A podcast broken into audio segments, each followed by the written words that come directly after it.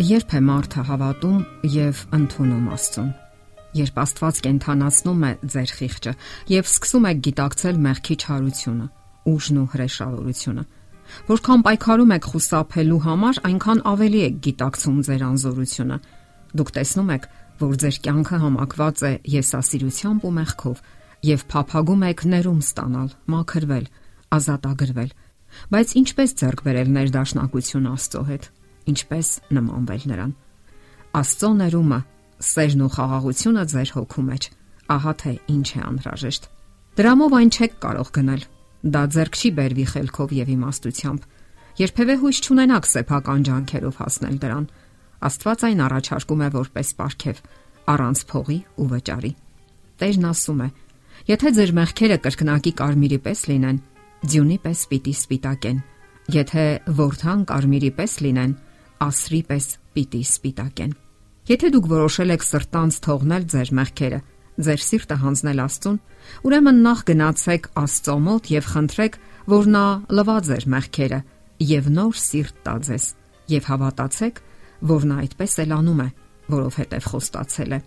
Հիսուսը բժշկում էր մարդկանց հիվանդությունները, երբ նրանք հավատում էին իր զորությանը։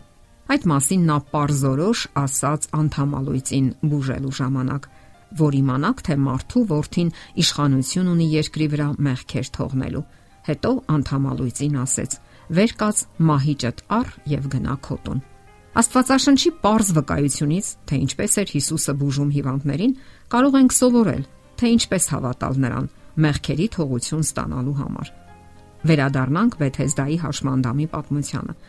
Խեղճ տարապյալն անօքնական էր։ 38 տարի նա չէր գործածել իր վերջույթները սակայն Հիսուսը նրան պատվիրեց. «Վեր կաց, մահիճդ վեր առ եւ մանյեք»։ Հիվանդը կարող էր ասել. «Տեր, եթե դու ինձ առողջացնես, ես կհնազանդվեմ քո խոսքին»։ Բայց ոչ, նա հավատաց Քրիստոսի խոսքին, հավատաց, որ առողջացել է եւ անմիջապես ջանք արեց։ Նա կամեցավ քայլել եւ քայլեց, Նա ապավինեց Քրիստոսի խոսքին եւ Աստված ուշ տվեց նրան։ Նա առողջացավ։ Դուք նույնպես մեղավոր եք։ Դուք չեք կարող կավել ձեր անցյալ մեղքերը։ Չեք կարող փոխել ձեր սիրտը եւ սուրբ դարձնել ինքներդ ձեզ։ Սակայն Աստված խոստանում է այս բոլորն անել ձեզ համար, բայց Քրիստոսի միջոցով։ Հավատացեք այդ խոստումին։ Եթե հավատում եք խոստումին, հավատում եք, որ ներված ու սրբված եք, Աստված հաստատում է փաստը։ Դուք բժշկված եք ճիշտ այնպես, ինչպես հաշմանդամը, երբ Քրիստոսը նրան ուժ տվեց քայլելու, եւ նա հավատաց, որ առողջ է։ Ամեն ինչ հնարավոր է, եթե հավատում եք։ Մի սпасեք մինչև զգաք, որ բժշկվել եք։ Դուք կարող եք ասել. Ես հավատում եմ դրան։ Դա իրոք այդպես է։ Ոչ թե այն պատճառով, որ զգում եմ, այլ որովհետև Աստված է խոստացել։ Հիսուսն ասում է. Ամեն բան, որ աղոտ քանելով խնդրեք, հավատացեք, որ կառնեք եւ կլինի ձեզ։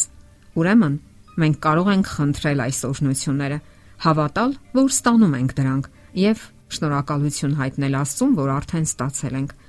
Ձեզ համար թանկ գին է վճարվել եւ Աստված ձեզ սիրում է այնպես, ինչպես սիրում է իր որդուն։ Ոչ թե ապականացու ոսկով կամ արծաթով փրկագմվեցիք, այլ Քրիստոսի պատվական արյունով որ เป զի մի ամբից ու անարատ գառի։ Ոմանք կարծում են, թե նախքան տիրոջ օրհնություններին հավակնելը պետք է ստուգար կանցնեն եւ ապացուցեն նրան, որ վերափոխվել են։ Հիսուսը սիրում է, երբ իր մոտ են գալիս ինչպես կանք, մեղավոր, անօքնական ու անզոր։ Մենք կարող ենք նրա մոտ գալ մեր տկարությամբ, անմտությամբ ու մեղքերով եւ ապաշխարել նրա ոտքերի մոտ։ Իր մեծ ողորմությամբ նա գրկում է մեզ իր սիրո թևերով բժշկում մեր վերքերը եւ մեզ սրբում ամեն անմակրությունից։ Աստծո խոստումները յուրաքանչյուր զղջացող մեղավորի համար են։ Ոչ ոք այնքան մեղավոր չէ, որ չկարողանա ուժ, մակրություն եւ արդարություն գտնել Հիսուսի մեջ, ով մահացավ իրենց մեղքերի համար։ Քրիստոսը պատրաստ է նրանց վրայից հանել մեղքով պղծված ու աղտոտված հակոստը եւ արդարության ճերմակ հանդերձներ հագցնել։ Նա մեղավորին կյանք է առաջարկում մահվան փոխարեն։ Աստված մեզ հետ այնպես չի վարվում, ինչպես մահկանացու մարդիկ են վարվում միմյանց հետ։ Նրա խոհերը շնորհի, սիրո եւ գորովալից կարեկցանքի խոհեր են։ Նա ասում է. ամբարիշտը թողնի իր ճանապարհը եւ անորեն մարդը իր խորուրդները եւ դառնա տիրոջը եւ նա կողողորմի նրան որովհետեւ շատ ներող է մի ուրիշ տեղ այսպես է ասում ես մեկի պես ջնջել եմ քո հանցանքները եւ ամպի պես քո մեղքերը նաեւ ես հաճություն չունեմ մեռնողի մեռնելուն ասում է Տերը հետ դարձեք որ ապրեք Սատանան միշտ պատրաստ է մեզանից թաքցնել Աստծո հավաստիացումները։ Նա ուզում է մարդուն զրկել հույսի ամեն արկայծումից, լույսի ամեն մի շողից, բայց չպետք է թույլ տալ, որ նա անի իր ուզածը։ Ականջ մի դրեք գայթակղիչին, պարզապես ասեք. Հիսուսը մահացել է, որ ես ապրեմ։ Նա սիրում է ինձ եւ չի կամենում իմ կորուստը։ Ես կարեկից երկնային հայր ունեմ ու թեև չարաշահել եմ նրա սերը եւ զուր տեղը վատնել նրա օշնությունները, վեր կենամ, գնամ իմ հոր մոտ եւ ասեմ. Մեղանչեցի երկնքի դեմ եւ քո առաջ եւ այլևս արժանի չեմ քո որդին կոչվելու։ Ինձ քո վարձկաններից մեկի պես արա։ Հայտնի առակը անառակ որդու մասին պատմում է թե ինչպես է ընդունվում մոլորվածը։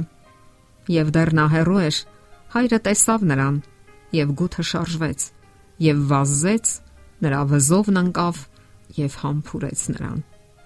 Նույնիսկ այս առակը, որքան էլ ջերմ ու հուզիչ լինի, չի կարող լիովին արտացոլել երկնային հոր անսահման գթասրտությունը։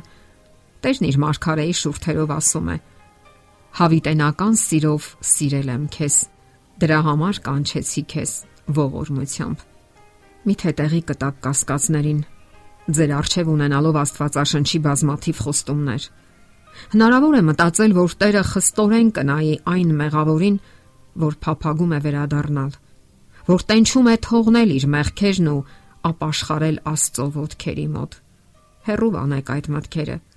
Աստված ատում է մեղքը, բայց սիրում է մեղավորին եւ հանձին Քրիստոսի զոհաբերեց իրեն, որ բոլոր ցանկացողները փրկվեն եւ հավերժական երանության հասնեն փառքի արխայության մեջ։ Կարող էր նա ավելի ջերմ կամ ավելի քնքուշ արտահայտել մեր հանդեպ ունեցած իր սերը, քան այս խոսքերն են։